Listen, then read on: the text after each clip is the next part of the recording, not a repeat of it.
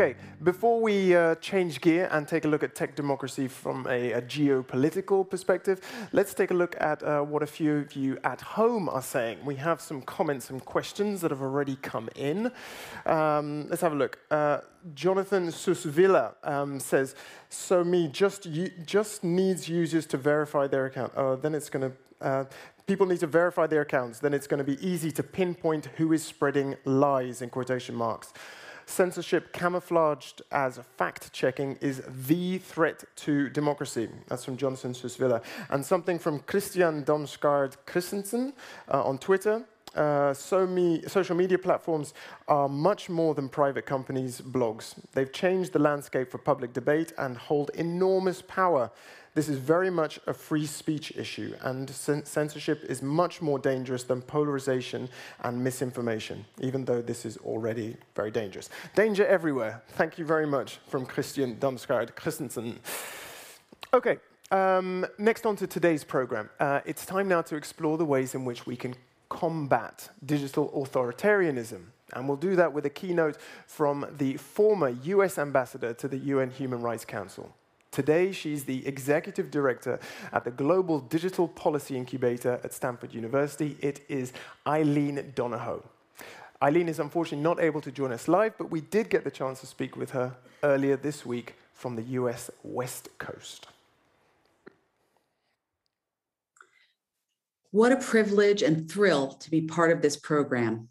Let me start by thanking Denmark's Ministers of Foreign Affairs and Development Cooperation and Ambassador Engtoft Larsen for your joint leadership in crafting this amazing program. You've initiated this conversation at a time when many democratic stakeholders see technology as the problem and the open internet as a giant security threat. This program gives us several ideas about how to get back to a positive vision of tech First, by investing in innovations that directly support democratic processes and civic engagement. Second, by demonstrating how tech innovation, human rights, and digital inclusion work together and can be mutually reinforcing.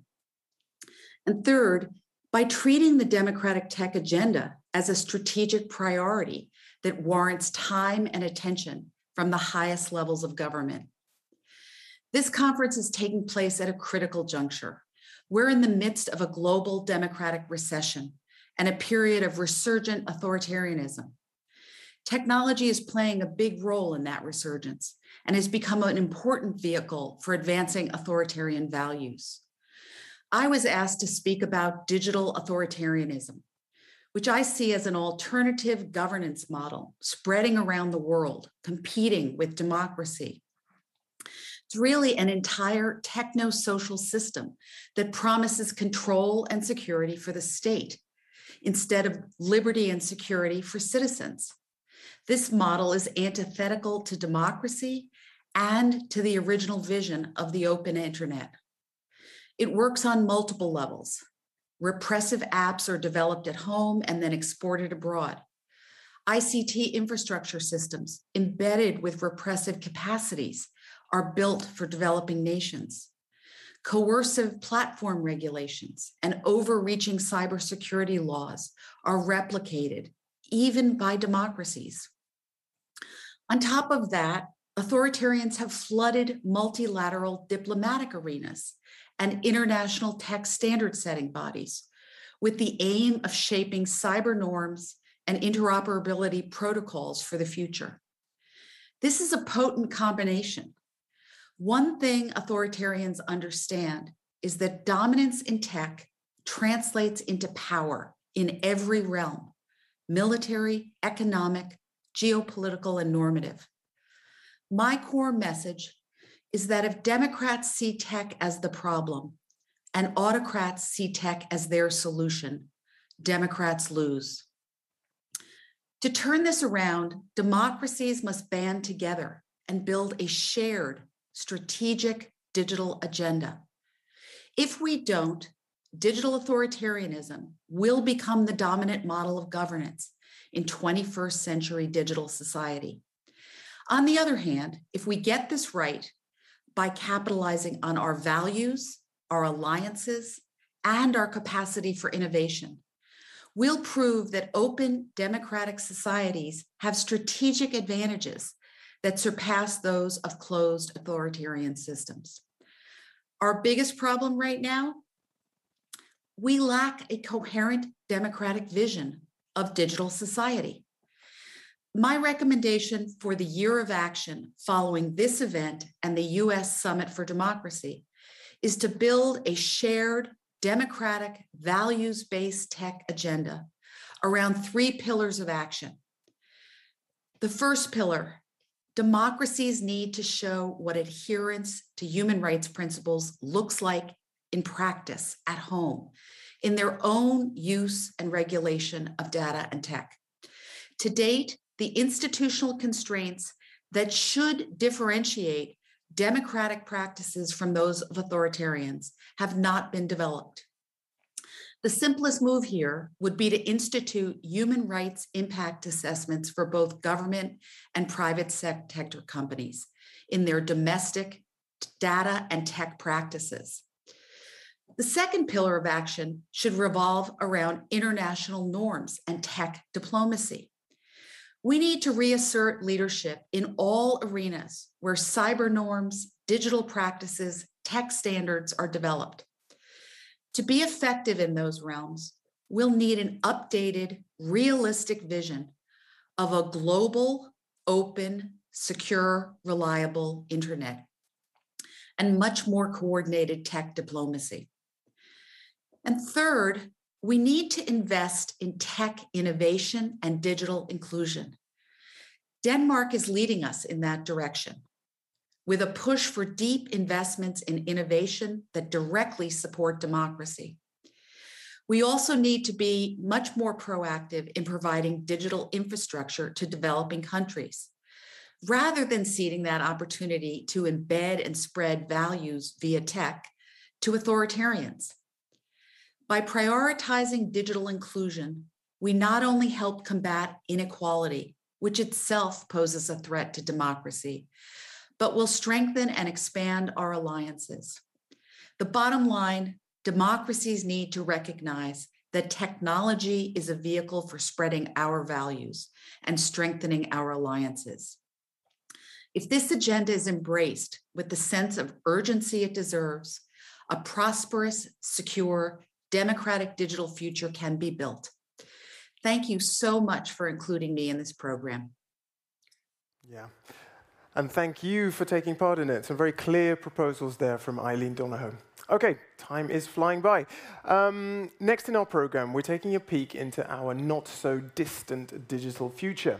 What are the building blocks for a digital future in which a democratic right to privacy exists? An ethical infrastructure, and our relationship with the internet is healthy and happy. Our next three speakers can help us with the answers to these questions and much more. Um, they are the director and co founder of Access Now, uh, an organization supporting digital freedom around the world. And uh, that is Brett Solomon, who's joining us. The UN's acting tech envoy, Assistant Secretary General Maria Francesca Spatolisano, who is having some tech problems at the moment, so we're not sure if she's online, but hopefully she will be. Um, and the Director of Global Affairs at Seabrain, a company specialized in creating e government solutions, Niels Tandrup Christensen. Welcome, all of you. Thank you. Um, much. Let's start. Uh, let's start with you, Brett, um, because you've once uh, you once said that we are at a, a tipping point uh, for human rights at this stage of the digital age, and Maria Ressa, one of our first speakers, alluded to this to something similar. Mm.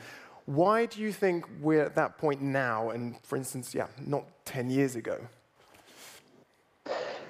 Well, I think it's kind of an extended tipping point in a way. You know, for over the last 10 years, we've constantly been saying that um, we're at a significant moment of risk and a significant moment in which um, the practices of governments and companies um, are headed in the wrong direction. I think the consequences are becoming bigger. You know, the, the, the implications are becoming greater. And at the same time, I think that the spot fires are kind of joining. You know, like we've seen all of these tech developments. We've seen the process of authoritarianism that's been happening on and offline. Um, we've seen the consolidation of, of power uh, from Silicon Valley and in other tech centres. Um, but all of the, the, and of course we've seen the evolution of technologies, which, you know, sort of from artificial intelligence to, to biometrics. Um, and all of those things together are, are starting now to create not just like isolated fires, but actually a bonfire that's take, that's you know has implications globally. Um, I actually wanted to focus my comments on the on the tech sector because um, Maria's comments and Julie's comments uh, are absolutely spot on. Um, you know, we are seeing the role of the tech sector enabling a pathway to the authoritarian state. And at the same time, there's also this kind of like dialectic, which is that the tech companies are also, in many countries, the buffer against the authoritarian state. And we kind of heard that from um, one of the earlier speakers as well. So how so, can it be both, thing, both things? How do we? Uh, so, what's your so, suggestion? So yeah, so for example, in, in you know in Russia, just recently with the parliamentary elections, we saw what Google and Apple did. They took um, the smart voting app out of the App Store because of pressure from the Putin government. We saw no statement from the USG. We saw no reprimand from the GNI. We saw no rebuke from the um, from from from FOC, from the Freedom Online Coalition. And I think that that's an example of where the the tech companies are an enabling force for authoritarianism. At the same time, um, you know, in many countries, I would prefer, for example, say Russia, I would prefer that Twitter makes the decision on freedom of expression than the Putin government. So that's the buffer against um, authoritarianism. Mm-hmm. And so, and there are other examples of that as well. So you know, if you look at like what's happening with WhatsApp and the NSO group. So, well, so it's it, Brett, Brett, hold on, hold on one second. That's because you made some very yeah. clear points there. Um, uh, tech companies, tech companies are, are, can be an enabling force and, and, are really part of the problem. Yeah, we know that. Let me at this point bring in uh, Maria Francesca, Assistant right. Secretary General. Um, what else would you identify as uh, some of the biggest challenges in making in making technological development strengthen democracy and human rights, not not only in Europe, but let's say around the world? Well, uh, hello everybody. Thank you for having me. I think there are many challenges, of course, around the, the uh, digital world and uh, its link to democratic values one of which is the fast pace of technological development, of course. The, the various uh, um, tools we consider normal part of our everyday life are in fact very recent and developed very recently, and they convey, they are the channel of an incredible quantity of different content, some of which is very helpful. Think of uh, the role of digital uh, innovation in providing uh, assistance throughout the pandemic, and others convey fake news in the same policy area we're talking about. So, as I think Ellen Donahoe said before, let's think of these technological advances uh, in uh, in a way which is uh, positive uh, because we have to use the same tools to address the shortfalls of this system that those who abuse the system use every day. So it's a little bit of a game that we have to to learn how to uh, to play and to be very very fast at that because it evolves very quickly. And uh, mm, you know, Facebook has created its oversight board to tackle the questions of the freedom of expression they are facing, but of course they can address only a small fraction, at least at this stage, of all these cases, and it takes time even for a company like Facebook to to monitor what happens. So there is a pacing uh, yeah. time, uh, problem, a time problem, if you want. Okay, let's pretend. And another one I would like to, okay. to add is for the legislator. The legislators need to be current and fast as well. And the best way to do maybe is to act with uh, the multi stakeholder community in a coordinated way. Okay, let's pretend we have the fastest legislator ever, okay? Um, we have uh, Niels. Niels, I'm going to make you president for a day, okay? What would you make uh, the tech companies prioritize tomorrow? That's your presidential day tomorrow. I think it's all about speed of action. It's, it's closing the time gap between political decisions and executing those decisions into the market uh, towards the citizens. Today, it just takes too long time because we have inefficient processes. So if we are able to build accountable institutions that are transparent, we're also able to actually rebuild this social contract we have between government and citizens. So but I've just made, you, I've just made you president for a day. You can do anything. You can order the tech companies to do what they want, what, what you want, rather. What would you make them do? I would, I would tell them to digitize government uh, because I think that's the core way of actually rebuilding trust in democracies because we've seen a decline across the world in, in the recent years because governments are not able to deliver services to their citizens. Mm. But actually, the solution is digitizing these services. And we saw that during the pandemic in Denmark when our prime minister closed down our country. Because we are such digitized in Denmark, we were able to go home and actually be served by public servants in their pajamas or one sizes, as you said earlier. And we didn't really notice because suddenly digitization becomes a critical infrastructure for government. And once we have that in place, we can start building trust in that governments will also deliver uh, uh, on the values and the services that we actually gave them uh, the legitimate right to as we voted for them. Okay. Assistant Secretary General, your promotion, what would you do? well, I don't know if I want that promotion. It's a tall order. but let me say that at the UN, we have uh, started to figure out what the future should look like. And I would like to uh, quote here two big, important recent documents.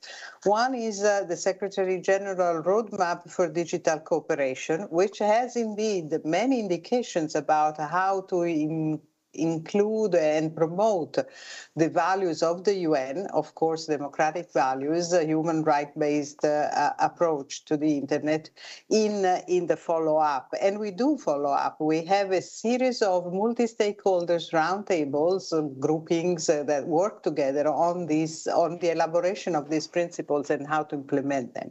And the second reference I would like to give you uh, is a very recent report of the Secretary General uh, called Our Common Agenda. Our Common Agenda is a vision for the future of a strong multilateralism, which is based, of course, on the UN values, and will um, have with many proposals, some of which refer to the future of the digital world. And I would say, in particular, there is one, a, glo- a digital global compact, which means an agreement where multi-stakeholder communities uh, would build this this uh, uh, you know document of principles and then commit to implement them and we have just started elaborating how we would get there. But between now and 2023, we hope to really create this movement towards a, a convergence. And I refer again to Helen's speech earlier democracies, but also the others need to be convinced. Yeah. We can't talk only among ourselves, we need yeah. them all, and that's why the UN are there for their convening power. Okay, thank you very much, Maria Francesca. Brett, uh, you heard it there. We need multi stakeholder uh, coalitions, people talking to one another. Collaboration is key. But there is a disconnect. Some, apparently, some people are not talking to one another. Uh, who, who mm. would you, let's say, put in a room and throw away the key for? Who needs to be talking to one another and that currently is not or are not? I mean, I don't get to be president for the day. I just get to convene a room. Uh, let me just say I'm being president for a day. So one thing is like there's got to be an end to internet shutdowns. Like that's the first thing that has to happen. There are 155 internet shutdowns last year. Got to come to an end. The second thing is we've got to stop biometric surveillance in public spaces. That is a serious threat um, for democracy going forward. And the third thing is that we need robust data protection frameworks in every jurisdiction. In terms of who's in the room, I mean, the, uh, you know, it's been talked about before, but like if we talk about content moderation, the fact that we don't have people um, who speak the languages, for example, in Ethiopia, working at the tech companies, engaged by the tech companies to be able to understand the language of hate, it's no wonder that those, those that communication is rife. You know, the sludge of hate, I think Maria, Maria Ressa called it. Know, it's no wonder that it's so prevalent on the on the platforms. I want to say just one last thing, and I, because I think that we need to understand that the digital revolution has just begun. Our focus is very much on social media companies right now, but actually we need to think about the tech sector writ large. We need to think about the surveillance sector. We need to think about the biometric sector. Um, we need to think about all, um, the metaverse. um, for want of a better word. And we need to, of course, think about quantum computing because all of those things are on the on the very forefront, on that tipping point that we talked about at the beginning. And unless we have the proper practices and human rights uh, built in at the centre of those things, we're going to be dealing with this unfolding crisis for generations to come. Very clear. Thank you very much for that. Again, audience uh, is a fan of that zooming out, uh, which you call for. Okay, um, uh, a couple of uh, comment or one comment in uh, from social media from Richard Mulonga. Uh, Richard says, arguably, tech from the global north has contributed to eroding democracy here in the global north. Uh, but there is still a lot we can do to enhance the nexus between democracy and technology. Okay, that's a hopeful message. Um, I'd like one final comment, a question rather, from the audience for Niels. Um, and this is unfortunately our last uh, in intervention. Um, do you have any suggestions on how young people can get involved in making a change? Niels. I think the young people are the are the route to change also by speaking up their voice and making themselves heard. Uh, but also having, as you said, social media can play a dual role, both in mobilizing uh, against uh, authoritarian regimes, but also, of course, they can also be repressed that way. Uh, but again, it comes back to my core uh, issue is that in Denmark, we are number one in digitization. We are also number one in Transparency International. And apparently, even though it's gray outside, we're also the happiest people on earth. But it's this, I think, is the correlation between having a digital infrastructure uh, that also creates uh, the trust in democracy and makes democracy thrive. And I think you will see a push from the young people because they're accessing all these tools from the private sector, WhatsApp, social media, and they want that from the public sector also. So I think you will see a push actually coming from technology into the public sector, and then we need political visionary leaders to accept that and build on that. Okay, very clear. You Danes love bringing in that happiness index thing, don't you? You can't do a session without it. Okay, thank you very much to all of our speakers there. We're going to move on. Thank you.